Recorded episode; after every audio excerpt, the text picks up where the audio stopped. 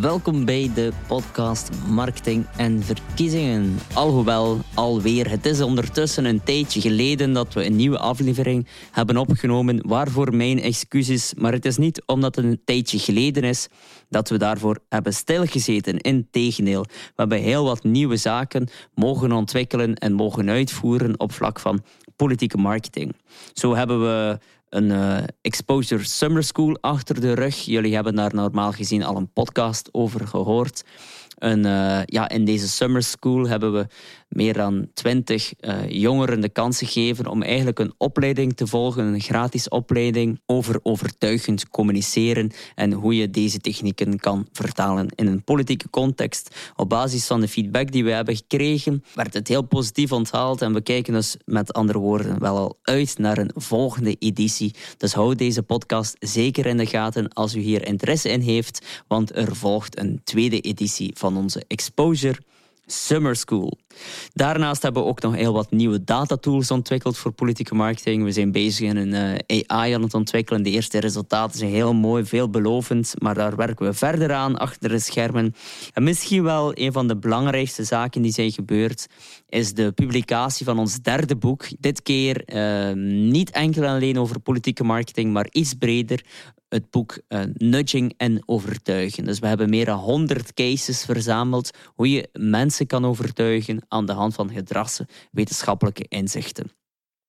Eh, de eerste feedback die we hebben gekregen was, eh, was positief. Dus ik hoop, misschien heeft u het zelf ook al in uw boekenkast liggen. En ik hoop dat u het heel inspirerend vond of vindt. Want het is echt wel onze bedoeling geweest om aan de hand van die vele cases een heel concreet, een heel praktisch boek te hebben waar je onmiddellijk mee aan de slag kan gaan. Dus uh, ja, we hebben daar uiteindelijk meer dan twee jaar aan gewerkt en om het nu in je handen te hebben, daar moet ik toch wel toegeven, dat zorgt voor enige vorm van trots um, als het er effectief is. En als laatste wat er is gebeurd, en daar wil ik in deze podcast nog iets meer over spreken, is ik heb ook een groot uh, wetenschappelijk onderzoek gedaan naar de ideale lokale campagne. Dus ik heb uh, verschillende succesvolle lokale campagnes geanalyseerd. Ik heb verschillende mensen geïnterviewd. En op basis van die input, van deze kwalitatieve studie, ben ik eigenlijk een model gaan ontwikkelen. Dus heb ik een model gecreëerd die staat of, of zo eh, kan staan voor een ideale lokale campagne. Dus ik heb uiteindelijk meer dan 50 punten in kaart gebracht die een impact hebben op jouw lokaal verkiezingssucces. ik heb niet gefocust op eh, individuele politici. Ik heb echt, ben echt gaan kijken naar de structuur. Dus echt als lokale partij, wat is nu jouw structuur? Je timing, wanneer moet je beginnen? Hoe moet je dat aanpakken?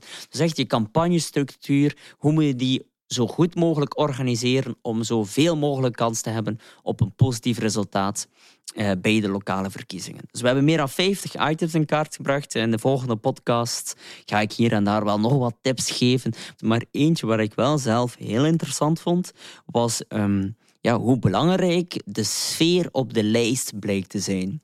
Dus uh, wat viel op in de campagnes die we hebben geanalyseerd en de mensen die we hebben geïnterviewd, dat zij allemaal benadrukten dat de sfeer op de lijst, of ja, de sfeer tussen de mensen die op de lijst staan, uiteraard, een grote invloed had op hun campagne.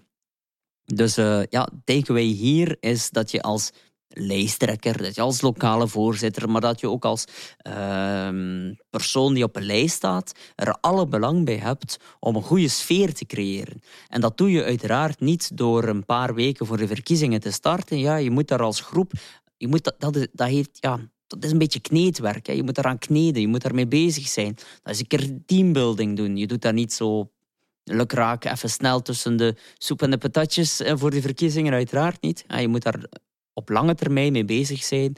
En ja, dat vond ik op zich een zeer interessant inzicht naast de vele andere concrete tips. Maar de sfeer op de lijst kan een grote impact hebben op je verkiezingsuitslag. En dat is ook logisch. Hè. Er zijn ook studies die aantonen in de bedrijfswereld dat ja, de sfeer binnen een bedrijf een grote invloed heeft op de winstgevendheid van een bedrijf. Dus het is niet onlogisch dat dit zich ook vertaalt in politieke marketing of politieke communicatie.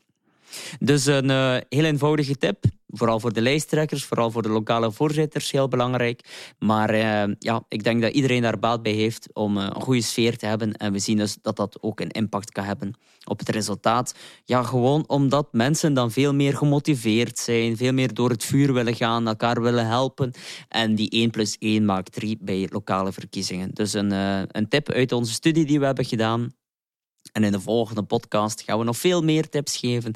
En er komt nog zoveel meer aan, want we hebben heel nieuw podcastmateriaal gekocht.